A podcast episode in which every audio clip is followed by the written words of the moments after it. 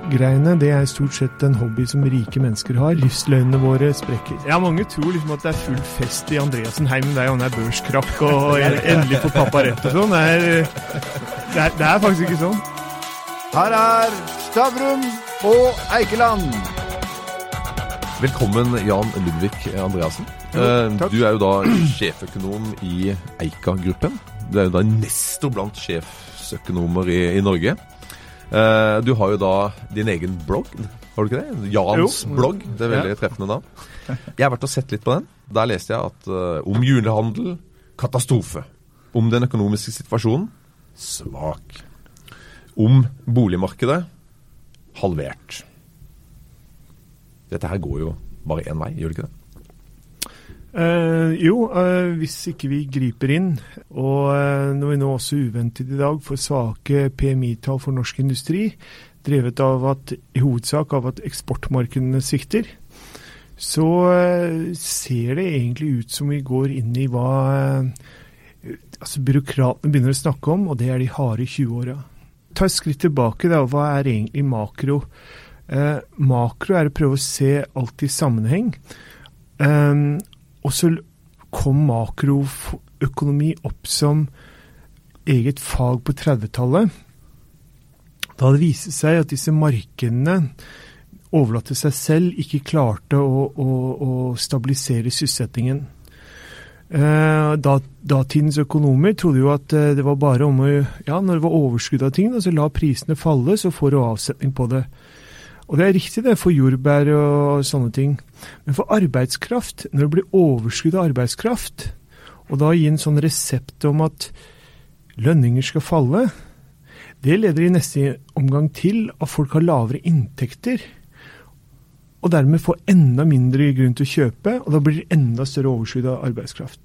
Så for denne type mekanismer, særlig knytta til to markeder i, altså I makro så er eh, arbeidsmarkedet stabiliseres ikke ved at eh, eh, lønninger faller. Og i kredittmarkedet så stabiliseres ikke ting av at eh, liksom det blir eh, dyrere med kreditt. Da begynner Norges Bank å heve renta. Og da på, påpeker jeg i hvert fall at eh, man skal være forsiktig med sånt. Eh, gitt at eh, vekstbildet ute holder på å svekkes. Vekstbildet her hjemme var eh, vanglevorent og skjelvende. Og særlig den siste rentehevingen som kom i, i september, rammet norsk økonomi veldig hardt. Så jeg er ikke noe sånn veldig pessimist. Jeg, minnes Keynes, han satt under depresjonen og prøvde sk- formler for å løse datidens økonomiske problemer. Da var det sult og fattigdom, men han gikk på teater og koste seg på kvelden. Altså dette her, Man ser på det som tekniske problemer som kan løses.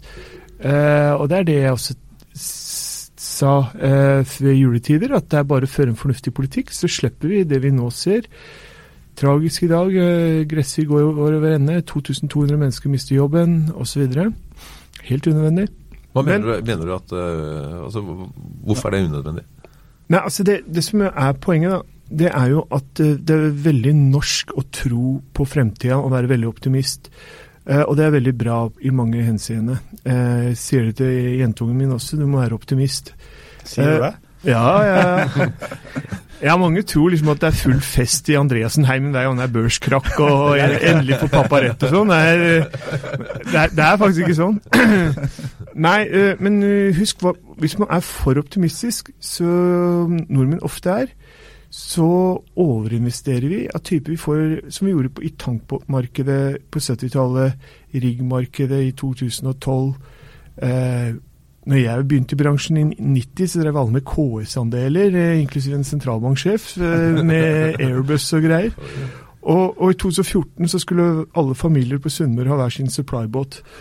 Og nå har jeg jo sett det samme i, eh, i detaljhandel, hoteller, og vil jeg påstå store deler av boligmarkedet, når vi kan komme tilbake til. La oss, la oss holde oss på, holde oss på G-sport nå først. Altså.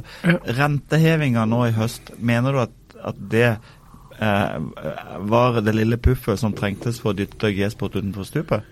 Ja, det tror jeg var riktig oppsummert. Altså det, det, var eh, det lille. Men dette er ganske ekstraordinært. Og, og dette tror jeg også får ringvirkninger i makro. Fordi det som jeg gjetter på skjer, uten å kjenne dette konsernet i det hele tatt, det er jo at de kommer tilbake i eh, ny form, med lavere lønninger, lavere husleier, og skaper eh, da konkursfare for sine konkurrenter igjen. Og Sånn har det gående så lenge det er overkapasitet. Og det ser ut som vi har nesten sånn vedvarende overkapasitet i deler av næringslivet nå.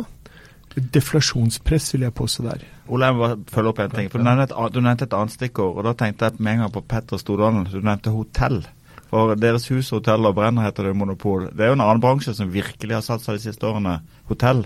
Vil du kjøpt hotellaksjer i dag? Jeg så sist nå en uh, undersøkelse fra uh, eh, NHO hvor uh, driftsmarginen på hotell på Vestlandet hadde falt fra 6% for et par år tilbake til minus 2 hovedsak drevet av tap i Bergen og Stavanger. Så godt hende mye av resten av eh, området er bra, men det er jo litt sånn, ikke sant. Pareto-pappaen han har måttet bygge hotell i sin hjemby Mandal. Eh, mange bygger hoteller. Eh, det er veldig gøy å bygge hoteller. Du er ikke der? Nei, og, men jeg vil også si en ting. at Det, det kan godt være at det er lønnsomt. Fordi eh, det som ofte skjer, er at det er ikke det nye hotellet som går konk. Men når du etablerer vanvittig overkapasitet, så er det kun de beste hotellene som klarer seg. Alt det andre går, går gærent. Men, men, litt sånn tilbake til den uh, koronavirusen. Altså, Hvor farlig er det egentlig? Altså, Er dette overdrevet, eller kan det virkelig gå galt? Ja, da er jo liksom må passe meg litt i min rolle og ikke skulle være sånn derre uh, drive med fearmongering osv. Men jeg, jeg tror jeg vil heller si det på den måten at vi vet egentlig veldig lite om hvor dette viruset kom fra. Vi tror det kom fra et sånn uh, eh, dyremarked. Men det er ikke sikkert. Eh, han, eh, de har jo nummerert disse ofrene, og pasient nummer én som døde, han blånekta på at han hadde vært i det markedet, hvor visstnok dette viruset oppsto. Eh, vi vet heller ikke hvor smittsomt det er. Eh, det kommer alt mulig rart av historier eh, om at det er meget smittsomt, eller så er det ikke så veldig smittsomt. Vi har ikke noe antibiotika, vi har ikke noen vaksiner ennå. Det man gjør, er den gamle middelalderske metoden, og det er å stenge folk inne. Og så Det er veldig tragisk, selvfølgelig, og kondolerer til alle som rammes av dette. Men den hovedøkonomiske effekten er at titalls, hundretalls millioner av mennesker passiviseres. Så en av disse byene som er rammet, Hangang, eh, der får familier lov til å sende ett medlem ut av leiligheten annenhver dag for å hente matvarer ikke flere. Og det går droner i gatene for å passe på. Det går til og med folk med skytevåpen for å passe på at du overholder disse reglene. Og det er til sammen 60 millioner vel nå i, i Kina som er satt under karantene, og to store havnebyer. Så det rammer også eksporten. Jeg får gå litt nærmere inn på det. for at, eh, La oss si de stengte Kina, da. Så slapp vi jo det ekspansive kinesiske regimet som går inn i hele Afrika, og som, nei, og som under eh, pris og varer som de selger på verdensmarkedet. Er ikke det bare bra? Kan vi ikke bare stenge dette landet? Nei, det, det er hovedvekstmotoren eh, i verdensøkonomien i senere år. Eh, USA gjorde dem litt rangen når de satte i gang så voldsomme budsjettunderskuddene i 2017. Men nå er jo budsjettpolitikken normalisert i USA. USA vokser med halvannen til to prosent i år. Nei, altså en tredjedel av verdens vekst er, uh, vekst i verdensøkonomien er i Kina. Og enda mer indirekte, fordi denne vekstmotoren suger til seg råvarer fra Australia, Latin-Amerika og Afrika, som er helt avhengig av å få avsetning for sine råvarer. Og dessverre så ser det litt ut som Norge er i samme situasjon. ikke sant? Vi produserer 1 million tonn aluminium, stor olje, gass, uh, gjødsel osv. Uh, vi er i stor grad fortsatt, selv om vi liker å tenke på oss selv som et modent industrielt samfunn, og det er vi veldig sofistikert på alle måter. Men vi er usedvanlig tung da, på eh, råvarenæringene fremdeles eh, i forhold til våre naboland. Så, så, vi rammes egentlig direkte av denne koronaviruset. Ja, er, er vi et av de landene som rammes hardest? Jeg gjetter på at vi er et av de landene i Europa som kommer til å bli rammet hardest. Nå er ikke det så godt å si, fordi en av de virkelig store effektene som vi ikke har kontroll på, er jo hvis kinesiske turister ikke får lov å reise. De bruker 1500 milliarder kroner i året på sin utenlandsshopping. Og det kan ramme butikker i Paris knallhardt, osv. Så, videre. så dette her kan ramme bredt og hvitt. men i hovedsak, det som er, er storyen for Norge, da, er at dette her egentlig er en sånn der, litt sånn eh, nedtur vi får rett i forkant av det som skulle være en uunngåelig nedtur. Og det var jo da den synkrone bevegelsen. Både nedskalering av oljeaktiviteten og oppskalering av utgifter til eldrebølgen. Og Det er derfor Jan Tore Sanner var ute og snakket om at nå er det alvor. Eh, og det har byråkratiet varslet om i flere år.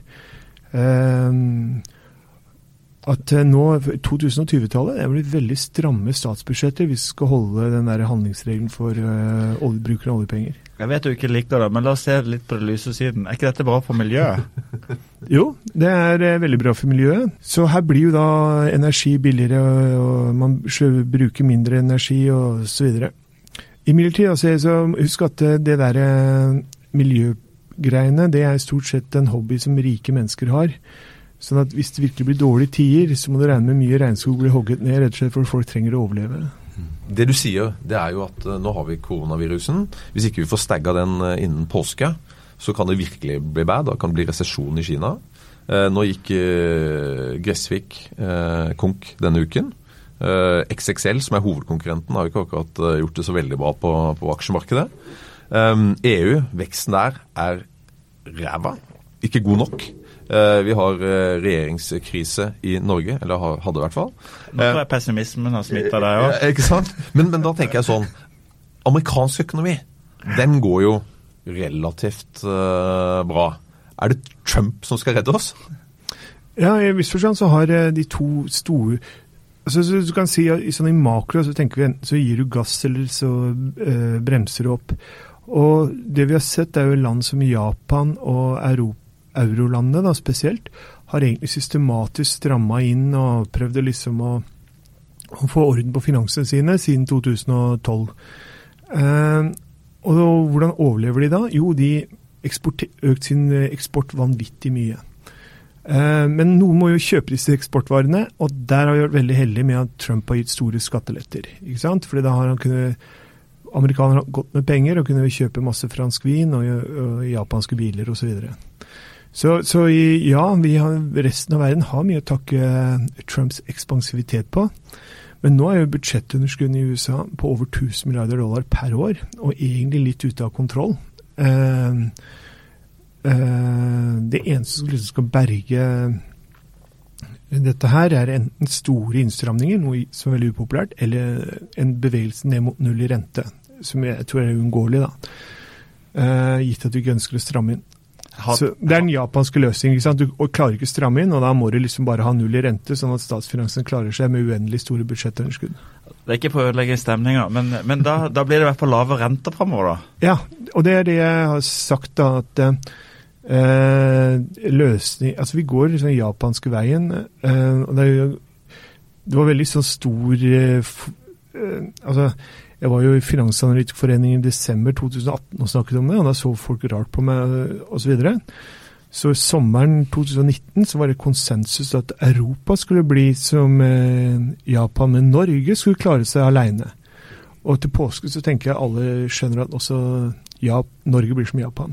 Som si- resten av Europa. Og det vil si, hvor lenge har vi veldig lav rente? Nei, for alltid. Det er ingen vei utenom.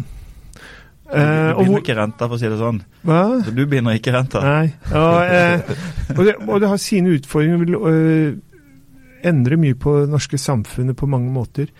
Det er liksom den eh, endestasjonen som vi er på vei mot. Og det som, dette her med koronaviruset gjør bare at det, det at det rammer global vekst, rammer råvarepriser og dermed rammer vår eksportindustri, det bare fremskynder den prosessen, kan du si. da.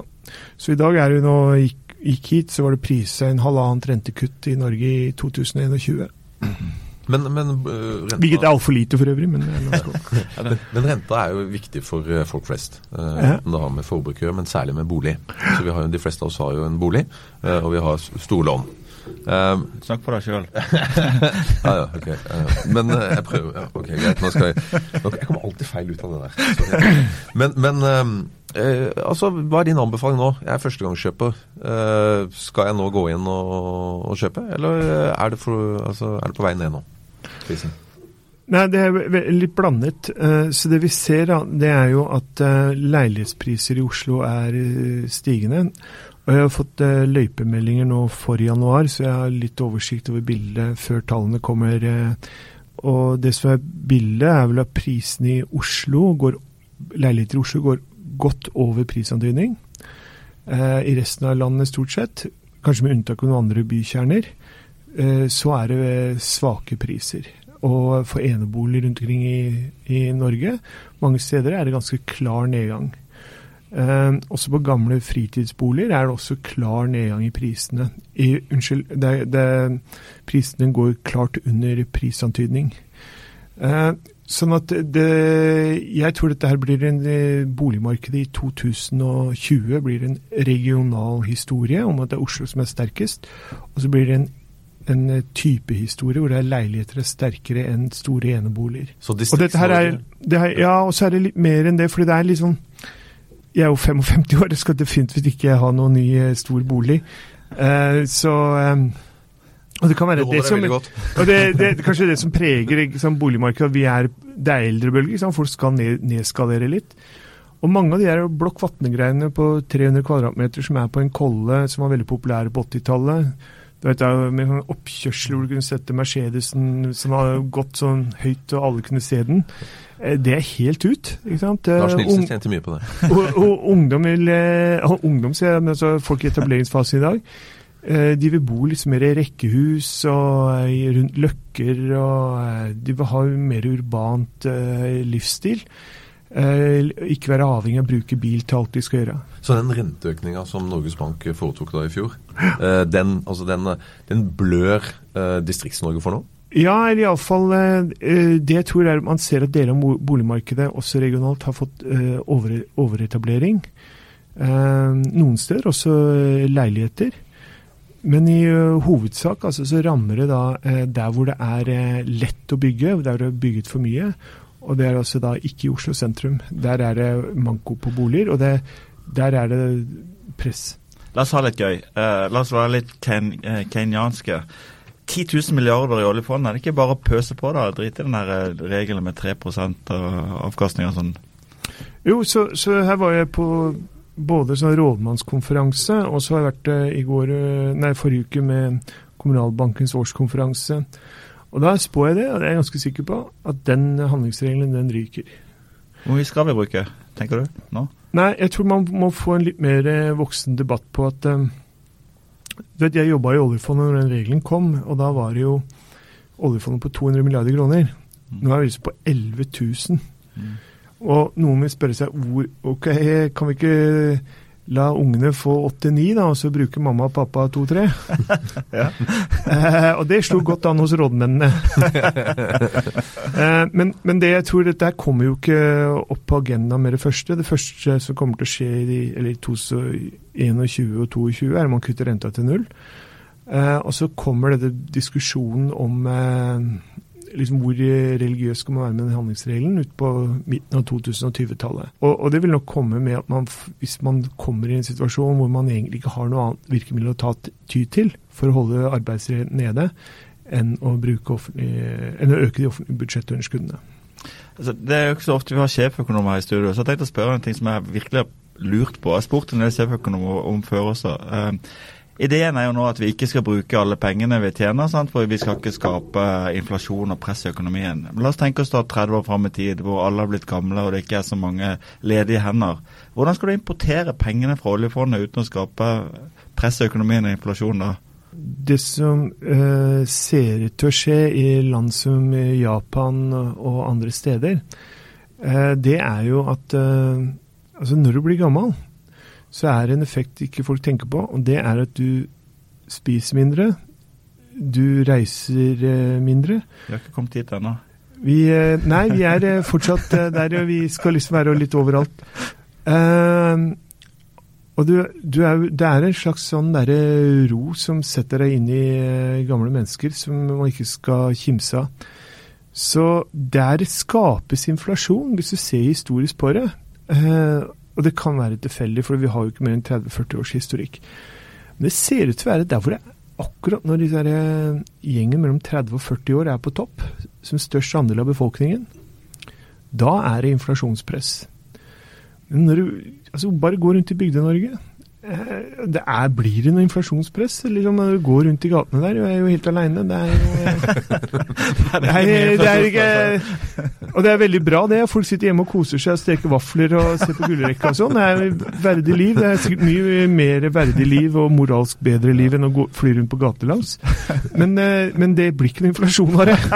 Men, men da er du inne på noe. For altså, du har jo snakka eh, mye om innvandringspolitikk eh, fra et økonomisk ståsted. ikke sant? Eh, I dag har vi en flyktningpolitikk, og så har vi en arbeidsinnvandringspolitikk. Eh, det er de to eh, pilarene som eh, det er bygd opp i i dag. Så har du snakket om et tredje pilar som du vil at vi skal tjene rått på i Norge. Ja, det var satt litt på spissen, og det er ikke meningen å skulle tjene så mye penger på det. Men det tror jeg man må få en mer rasjonell befolkningspolitikk, da. Eh, og det er jo f.eks. Uh, hvis det er grisgrendte strøk uh, hvor det er manko på folk, så bare sett inn annonse i, i verdens aviser, enten det er i Buenos Aires, Afrika eller Asia, og be folk søke om å flytte til Norge, om de har lyst til å flytte til Norge. Så får du en søknadsbunke eh, som om det skulle være en hvilken som helst annen stilling, og så eh, plukker du fra den. Jeg tror problemet i debatten om eh, innvandringspolitikken er liksom at det er så veldig mange andre agendaer der. Det er de som ønsker å være barmhjertige og hjelpe og være idealister. Og så er det jo de som ønsker å være veldig kyniske og tjene på det osv. Men prøv å behandle utlendinger som om de var nordmenn? Det, det, som de søkte stillinger. Um, og, og, det er også noe jeg tror man kommer til å snakke mer om også innenlands. Ansvarliggjøring av folk og liksom at uh, man kommer til å stille større krav når du f.eks. når du mottar trygder og sånne type ting. Uh, antakeligvis gjør vi folk en uh, ugjerning når vi gir f.eks. narkomane penger. Da har jo enda mer fra det offentlige for å ødelegge livet sitt. Og, type, og, og her tenker jeg ikke sånn på sånn moralsk greie, vi skal spare penger og sånn, men liksom, hvis du skal prøve å hjelpe folk og prøve å, og sånn, så prøv å se alle under ett, og prøv å gjøre det beste for dem. Ikke legg på sånne motiver om å skal frelse verden og sånn. Men det er, jo, det, er jo, det er, jo, mange steder i Kommune-Norge hvor, hvor, faktisk innvandring har vært det som har gjort at, at befolkningstallet har økt. og det er jo jeg tar, tar sjømatindustrien i Nord-Norge, hvor det er mange utenlandske arbeidere som er. Eh, men du, du tenker liksom eh, indiske ingeniører, baltiske sykepleiere og eh, sjømatarbeidere fra Sri Lanka heller enn folk som er flyktninger? Ja, nå er det litt interessant. Jeg har vært på de der hvaløyene oppe i Lofoten én gang, og det er krydderet av folk fra Sri Lanka. Det var på 90-tallet. Det var flyktninger, men de var jo Sri Lanka er jo et sånt hvalsamfunn, så de har jo syntes det var kjempetopp. Uh, nei, man, det, man, skal ikke utelukke det ene fra det andre. Man kan både ta imot flyktninger, men det ser ut til å gjøre i liten grad i årene som kommer. Den, den uh, tålmodigheten er litt oppbrukt i den norske befolkninga. Uh, men så trenger vi liksom sånn 10 000 nye nordmenn fra utlandet hvert år. Og da tror jeg man må gå bare mer profesjonelt til verks og søke de som har lyst til å komme hit, etablere seg, og som kanskje ikke har lyst til å være her mer enn 10-20 år. Uh, det er helt greit, det. En ting vi ser i Norge som er veldig interessant og litt skremmende, er jo uh, både at vi har befolkning, lavere befolkningsvekst og sterk sentralisering. Og Så tar det seg ulike former. I Trøndelag er det de unge som flytter til byene. Men i Nord-Norge så er det utlendinger som flytter hjem. Altså De har vært der noen år, og så samler opp noen penger. Og så flytter de hjem og eh, tar vare på familien eh, et eller annet. Og det er liksom Nord-Norge mister 2000 mennesker i 2019. Eh, netto. Så det er ganske dramatisk. Eh, hvis det er to personer på bolig, så vil i Nord-Norge være behov for 1000 færre boliger i år enn det var i fjor. Så det, dette her er eh, ting vi må prøve å snu, og snu raskt. Men altså, de, de tankene du har, de, de er jo ikke, altså, det er ikke unike. holdt jeg på å si. Dette er jo, land har jo gjort dette, og gjør det den dag i dag. Altså, Du har jo Canada, Australia, Singapore. Der ja, altså, har, har, du 30-40 millioner eh, i banken, holdt jeg på å si. Da kan du bosette deg hvor som helst, nesten. Ja, og, men eh, vi trenger liksom ikke ha det, det, er også noe med at Hvis du tar sånn aldrende milliardærer inn til Norge, så er det fint at vi får penger på konto, men de er, veldig pleietrengende og har veldig høy betalingsvillighet. Og sikkert har sin egen lege, lege, og sykepleier i hver etasje. Ja, da får vi inflasjonspress, da. Så nettopp. Så, så men, men, det jeg tenker meg, er liksom at uh, Det er som du sa, at uh, altså, uten innvandring så dør distriktene. satt litt på spissen. Og, og eh, her er ikke noe god grunn til å være spesielt eh, gjerrig eller å Man trenger ikke å måtte hente ut stakkarer. Man kan hente professorer og leger og ingeniører som har lyst til å bo i Norge og fiske litt og kose. Men uh, Jan Ludvig, nå, nå har vi hørt på deg nå i en, en, god stund. eh, og Vi begynte med at du var relativt eh, pessimistisk. Bare siterte litt fra bloggen din. Eh, bortsett fra at det er bra for miljøet, kanskje, det som skjer i Kina. Så er ikke akkurat blitt så veldig Ja. det ser ikke så mye bedre ut i dag. Du har til og med med deg en penn fra Jølstad begravelsesbyrå, ser det ut som. Så jeg tenker da Altså, dette, dette går jo bare én vei. Det går, Nei, jeg, jeg, jeg, jeg ser ikke på det så veldig negativt. Hvor, igjen, vår ledestjerne må jo være Japan. Så etter 20 år med stagnasjon, så er Tokyo den eh, ofte kåret til verdens beste by å leve i og bo i. Og nå tror jeg til og med du får billige billetter her, for kineserne får ikke lov å reise dit. Så det er bare å stikke av gårde. Kjempefin by. Vi har 20 år med stagnasjon, 20 år med null i rente. Nei, vi må, men vi er ferdig med bling-årene, tror jeg. Hvor liksom det er stor stas å ha en Porsche stående på toppen av eh, tunet og rope ut og sprute champagne osv. Og mange vil si at det du bor ikke på er noe gjør du ikke det? ja, det, er ikke, det, er ikke, det er ikke noe stort Det er ikke noe stor eh, eh, det, er ikke, det er ikke noe stor sånn der, eh, tragedie om vi nå går over til litt mer forfinet kultur.